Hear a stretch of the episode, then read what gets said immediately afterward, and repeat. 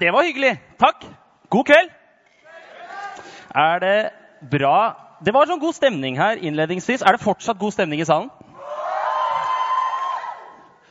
De her har sovet altfor lite i helgen og i løpet av uken.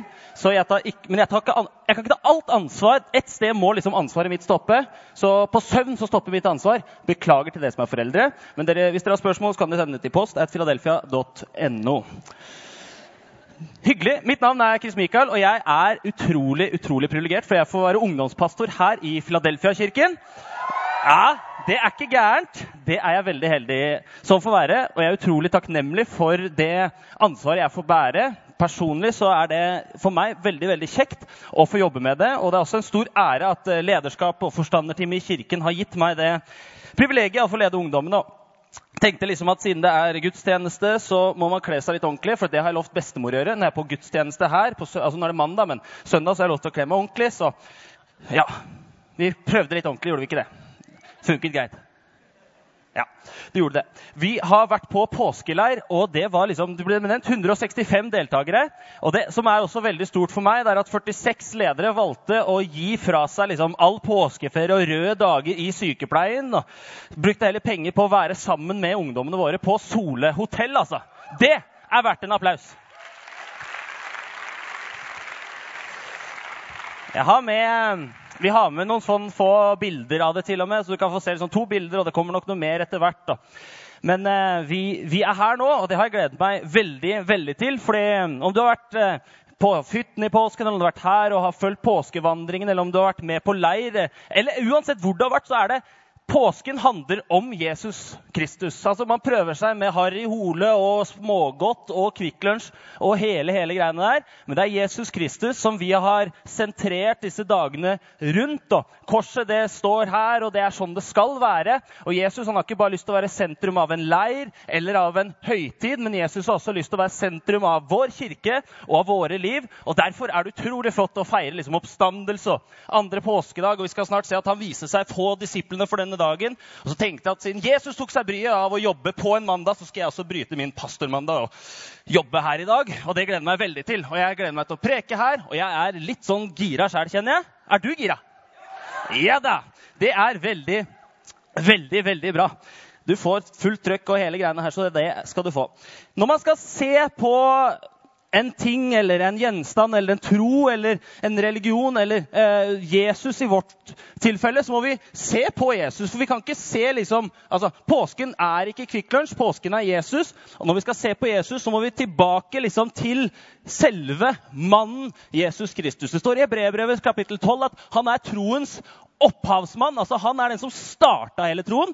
Og så står det altså også at han er troens fullender. altså Han er den som han holder liksom starten og slutten. Og det er Jesus som skal få være sentrum av alt vi gjør. Du kan få si et lite amen der. Det passa seg. Jeg la til og med opp til det. Amen kan du si. Veldig bra. Må, sånn gjør jeg på fredag. Jeg må lære ungdommen at liksom, når jeg sier noe, så kan man si amen. Og når jeg prøver å være morsom, så må man sympatile. Eh, så du skal få en sjanse til at Jesus han har lyst til å være sentrum, ikke bare av påsken, men han har lyst til å være sentrum i kirken, og han har lyst til å være sentrum av ditt liv. Der er vi, vet du! Kjempebra. Veldig, veldig bra. Vi er litt sånn på oppvarmingssida fortsatt. Men vet du hva? det som er så kult, er at eh, andre påskedag det, Vi skal snart hoppe til Johannes kapittel 20.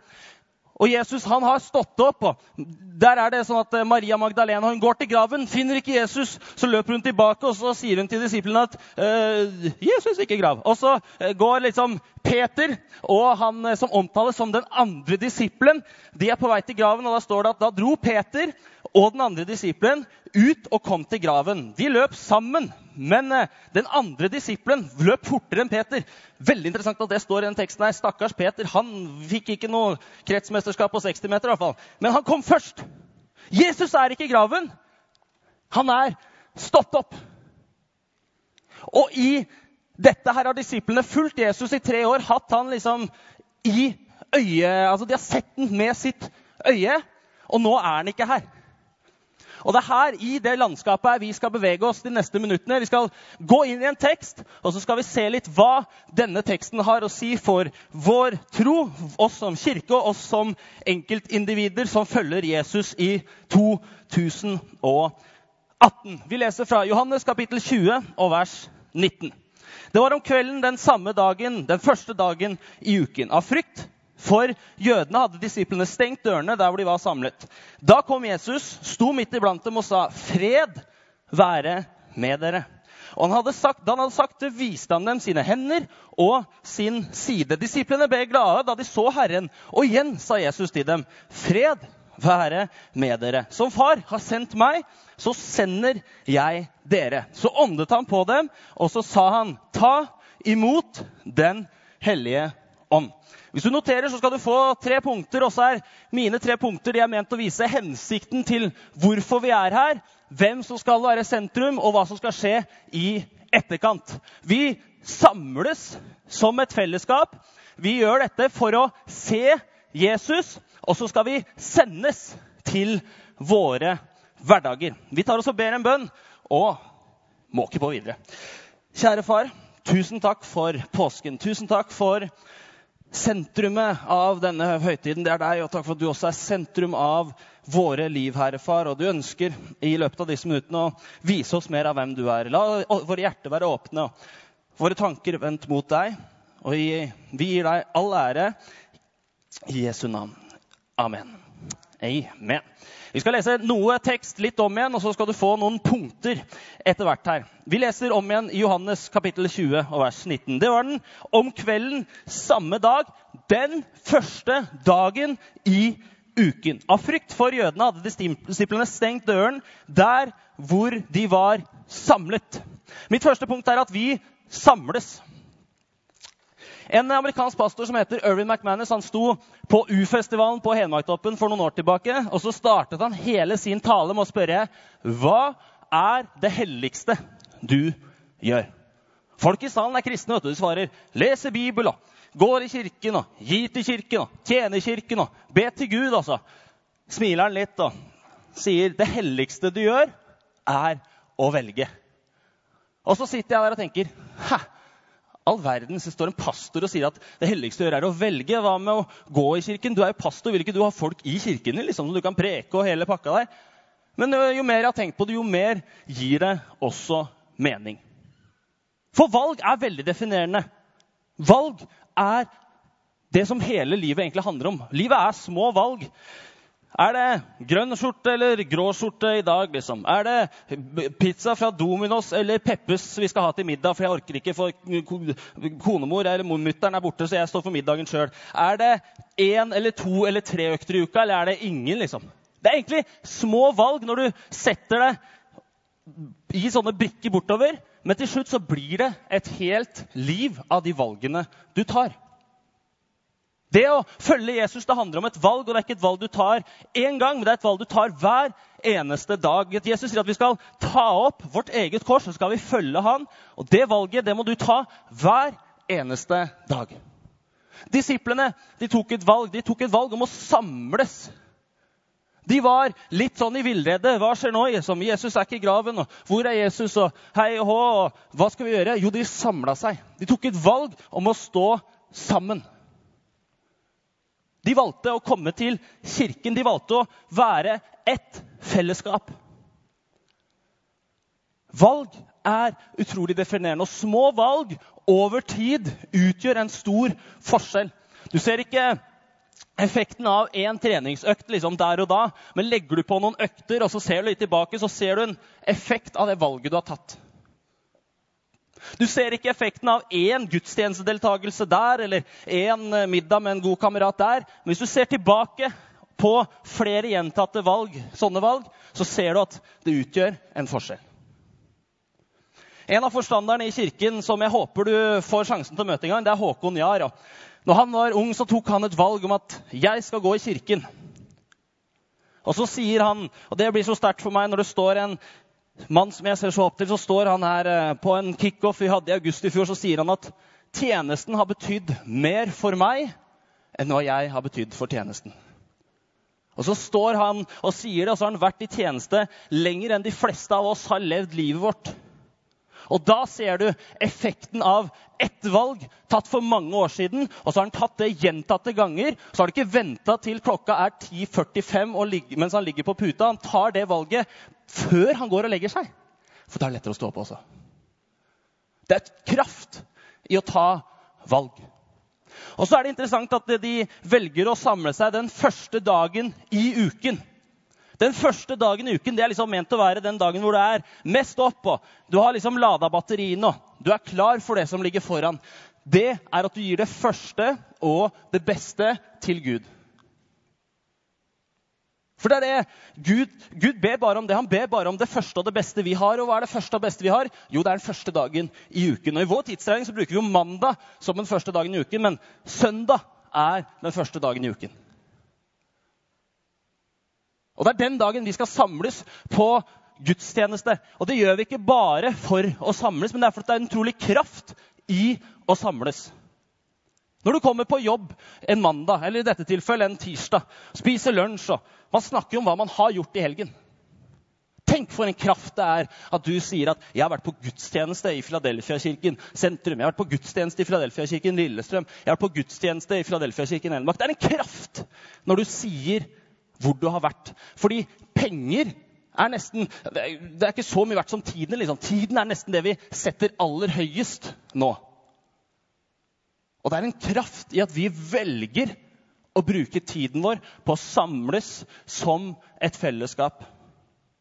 Det skal merkes at Filadelfia-kirken har hatt påskefinale i morgen ved lunsjbordene.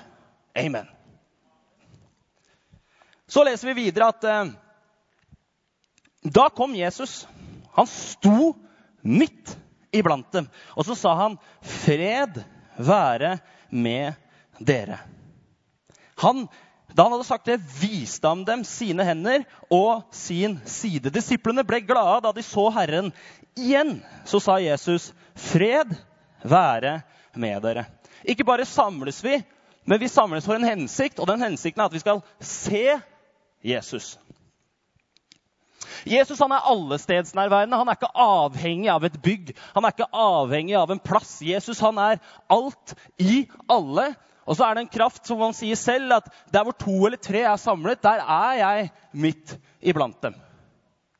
Men personlig så syns jeg det er litt sånn det er litt deilig å knytte et sted til en ting. Eller til en sinnstilstand.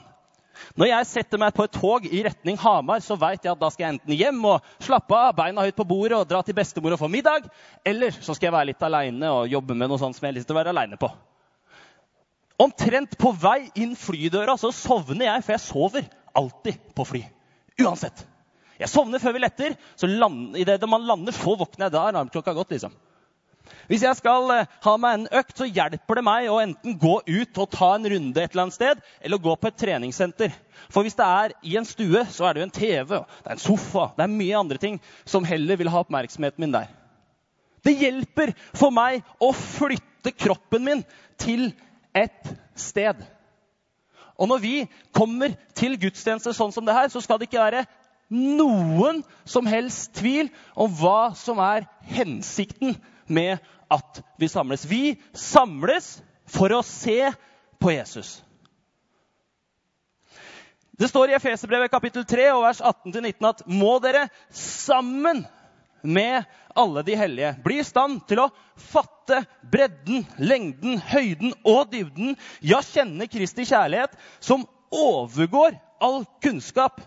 Må dere bli fylt av hele Guds fylde. Sånn som vi er samlet her og nå så samles vi for å gjøre nettopp det som står i Efesbrevet. Vi prøver så godt vi kan å se på, dra ut høyden og bredden og lengden og dybden og alt mulig som fins i Gud. det er ikke gjort bare i en håndvending i en søndag. vet du. Jeg har gått til ganske mange gudstjenester til jeg er såpass ung som jeg er. Jeg pleier å ha noen i løpet av en helg. liksom, Men jeg syns fortsatt det er fascinerende å se både mer av høyden og mer av lengden og mer av bredden og mer av dybden som fins i Gud. Du blir aldri ferdig utlært med å se mer av Gud. vet du. Og Det er derfor vi samles til gudstjenesten sånn som vi gjør nå. Er ikke, vi er ikke her for å høre på liksom, de fine Ungfilla-jentene med Ungfilla-merch, liksom, så du forresten kan få kjøpt en eller annen gang. Bare send sånn greie på Ungfilla. sånn. All PR er god PR, kan man si. Er ikke, vi er ikke her for å først og fremst høre på de synge og oh la la og klappe og komme i døra og få kaffe, liksom. Det er ikke derfor vi samles til gudstjeneste i det hele tatt. Vi samles til gudstjeneste pga. at vi skal gjøre det her. Vi skal se mer av hva som fins i Gud. Hva det her har å si for våre liv. Bli mer og mer fascinert. Jo mer du er på gudstjenesten, jo mer du ser av Jesus, jo mer vil du bare ha tak på han herre. For det er en kraft når vi samles, og det er kraft når hensikten er én ting og én retning. Se opp, overgi oss og spørre Jesus hva vil du gjøre i mitt liv i dag. Ikke bare skal vi samles, men Jesus sier både i det han viser seg for disiplene, og eh, litt i etterkant her, når han har vist seg for både i hendene og i siden, så sier han 'fred'. Og Jesus han er også her i dag med sin fred. Ordet 'fred' kommer 78 ganger i Det nye testamentet, og du skal få noen vers på rappen her. Johannes 14, 27. Fred etterlater jeg dere. Min fred gir jeg dere. Ikke den fred som verden gir. Du kan finne en fred hvor som helst, men ikke noen fred som den Jesus Kristus gir. La ikke hjertet bli grepet av angst og motløshet. Romerbrevet kapittel 5 og vers 1. Vi har blitt rettferdige ved tro. Vi har fred ved vår Gud, vår Herre Jesus Kristus. Romerbrevet 14, 17. Guds rike består ikke i mat og drikke, men i rettferdighet, glede, fred og glede i Den hellige ånd. Romerbrevet 15, 13. Må håpets Gud fylle dere med fred, glede og fred i troen, så dere kan bli rike på håp ved Den hellige ånds kraft. Galaterbrevet 1. Nåde være med dere og fred fra vår Gud, vår Herre, Herren Jesus Kristus. Han som ga seg selv for våre synder. Og vi er ikke ferdige ennå. Efeserbrevet 2. Han er vår fred. Han som, de, som, de to, eh, som, gjorde de to til ett og rev ned den muren som skilte fiendskapet. Efeserne 2,17. Han kom og forkynte det gode budskapet om fred, både for de som var langt borte, og for de som var nær. Filipperne 4, 6 og 7. Vær ikke bekymret for noe. Legg alt dere har på hjertet, framfor Gud. Be og kall på ham med takk. Og da vil Guds fred som overgår all forstand. Bevare hjerter og tanker. Kolosserne 3, 15. La Kristi fred råde i hjertet, for til det ble dere kalt, ble en kropp. Vær takknemlig. Og så vil jeg at du skal høre litt ekstra på den her.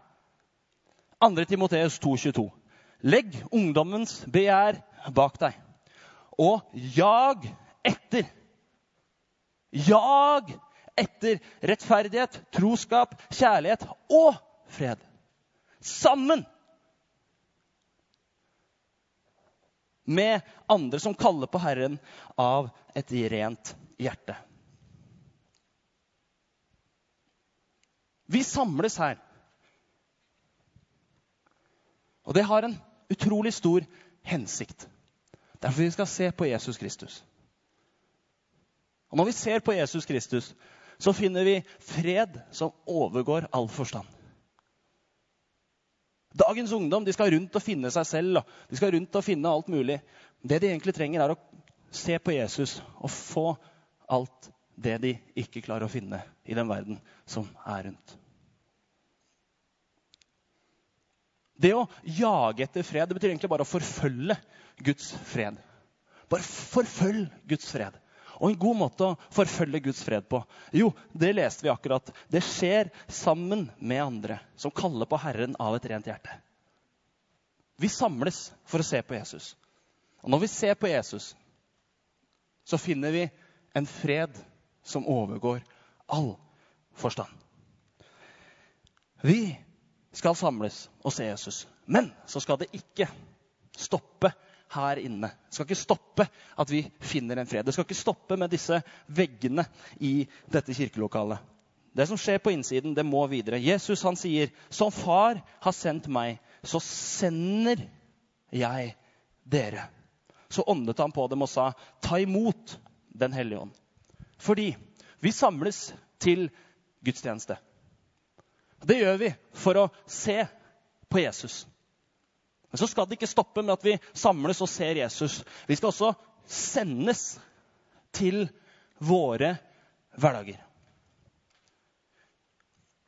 Det kan virke litt sånn ironisk at vi er så opptatt i en kirke av å samles. Kom til gudstjeneste, kom til kirken, ses i kirken, heia kirken.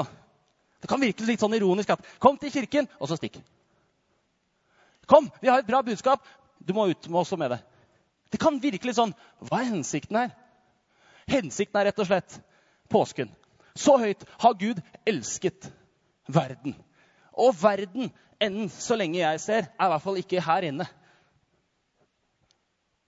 Verden trenger å få høre om Jesus. Og Gud han bruker helt vanlige folk som oss, fylt med Den hellige ånd, for å nå våre venner. Vi skal samles til en gudstjeneste. Vi skal se på Jesus. Men det kan ikke bli Vi kan ikke gjøre Guds kjærlighet, Guds fred, Guds kraft Vi kan ikke gjøre den så liten at den bare får plass til inne hos oss eller i dette kirkelokalet her. Guds fred overgår all forstand. Guds kjærlighet overgår all forstand. Guds kraft overgår all forstand. Guds kjærlighet overgår all forstand. Da må vi også ut med dette budskapet her.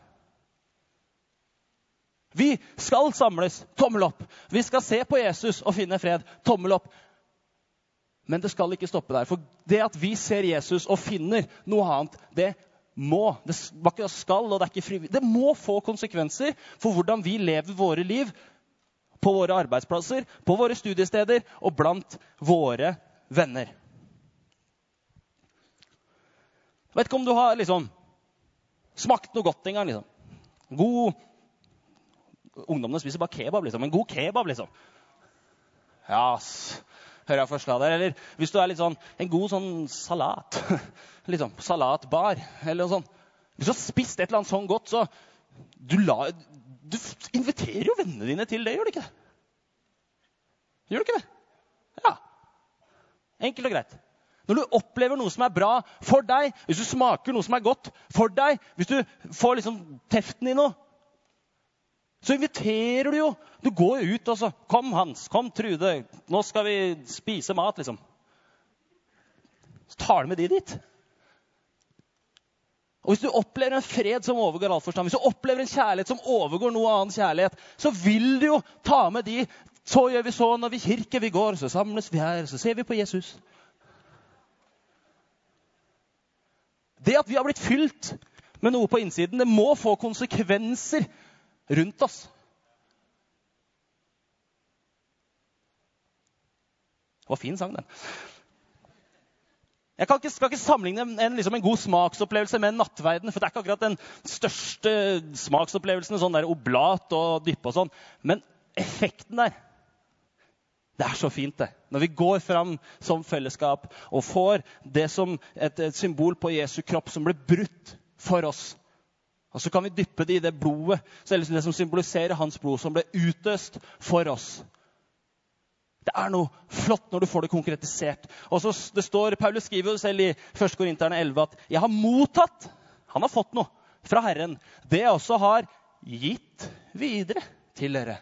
Veldig kjedelig om Paulus hadde fått nattverden fra Herren og så hadde han stoppa med det der. så hadde, ingen, hadde vi ikke tatt nattverd. Liksom. Det hadde vært kjempekjedelig. Det skal aldri stoppe hos oss. Det må ikke få lov til å stoppe hos oss. Guds budskap, Guds kraft, Guds kjærlighet kan ikke få stoppe hos oss som er her nå. Vi må la det få konsekvenser for hvordan vi lever livet vårt. Den freden vi får når vi ser på Jesus Kristus, den må få konsekvenser for vår tirsdag, onsdag, torsdag, fredag og inn i en helg. og Så kommer vi tilbake, og så samles vi, og så ser vi på Jesus igjen, og så går vi ut. Det må få konsekvenser for hvordan livet vårt leves. Når vi samles den første dagen i uken. Vi velger å prioritere den beste tiden vi har. Og for en som er veldig glad i fotball, så av og til så svir det å skulle komme på gudstjeneste klokka 19, for matchen er ikke ferdig. vet du. Det svir litt. Men jeg skal samles, for jeg må se på Jesus, og så skal jeg sendes ut i min hverdag. Hvem har sagt at dette kristne livet er lett? Det er ikke alltid det. Det skal koste litt. Men godt er det også interessant når vi tar imot velsignelsen. Vi avslutter ofte gudstjenesten vår med å gjøre velsignelsen. Jeg vet ikke om du har lest hva som står i 4. Mosebok. Ja. Men Herren han sier til Moses, tal til Aron og sønnene. Og så sier eh, Herren, slik skal dere velsigne israelittene. Dere skal si til dem. De får noe fra Herren. Men de sendes også med det. Hva sendes de med? Jo, de blir sendt med en velsignelse. Herren velsigne deg og bevare deg. Herren la sitt ansikt lyse over deg og være deg nådig. Herren løfte sitt ansikt mot deg og gi deg fred. Og har du tenkt på at gudstjenestene som oftest slutter der? Det siste vi får når vi samles og ser på Jesus, det er Guds fred. Det er det siste vi får i mange av våre gudstjenester. Og da lurer jeg på jeg, om ikke det er noe vi kan bringe med oss når vi sendes ut i vår hverdag. Gud, Guds fred, som overgår all forstand. Guds fred, som gir oss ro i situasjoner hvor det kan være kaotisk rundt, men vi kan se opp og få ro der vi står. Vi kan oppleve en beskyttelse der vi står. Jeg lurer på jeg, hva som hadde skjedd hvis hver eneste helg etter kom fram til noe sånn som 16 samlinger slags gudstjenester vi har i Filadelfia-kirken. Jeg lurer på jeg, hva som hadde skjedd hvis det siste vi får når vi samles for å se Jesus, så får vi fred. Hvis alle som var til gudstjeneste en helg i Filadelfia-kirken, på våre lokasjoner og våre forsamlinger, hadde gått og sett på seg selv som sendt til sin hverdag. Jeg lurer på hva som hadde skjedd hvis alle her inne hadde hatt Om det er én eller ti, er ikke poenget. Poenget er at vi må se på oss selv som bærere av noe annet enn det som verden går rundt og bærer på. Jesu død og oppstandelse, som vi har sentrert disse dagene rundt, og som vi sentrerer vår kirke rundt. og Straks skal få, du skal få invitasjon til å sentrere livet ditt også rundt det. Jeg lurer på hva som hadde skjedd hvis det hadde fått en konsekvens. Ikke bare at det er noe fint vi sier at vi tror på, kommer og synger oh la la, men også at vi går til våre hverdager som sendt. For vet du hva? Jesu død og oppstandelse den skal få en konsekvens for hva som er viktig for deg. Jesu død og oppstandelse skal få en konsekvens hva du sier, og hva som kommer ut av munnen din, om det er til oppbyggelse eller om det er med å dytte folk ned møkka. Jesu død oppstandelse skal få en konsekvens på hvordan du behandler andre mennesker, på hvordan du prioriterer pengene dine, på hvordan du prioriterer tiden din. Jesu død og oppstandelse må få en konsekvens for våre liv. Det skal gi en konsekvens når vi har vært samla her inne sånn som vi har vært nå. Det skal ikke bare være sånn at de går ut og så Ja, hva er det de har vært på, liksom? Det var da veldig triste mennesker. Det skal få en konsekvens når vi har sett på Jesus. Og nå har vi jo hatt påske, og det har vært kors. og Jesus han har gjort alt for at du skulle gå fri. Og et fritt menneske er ikke et nedbrutt menneske. Et fritt menneske er et menneske som er oppreist, og som er stolt av det de tror på. Et fritt menneske er et menneske som tar imot det som har satt dem fri, og som har lyst til å gi den friheten videre. Det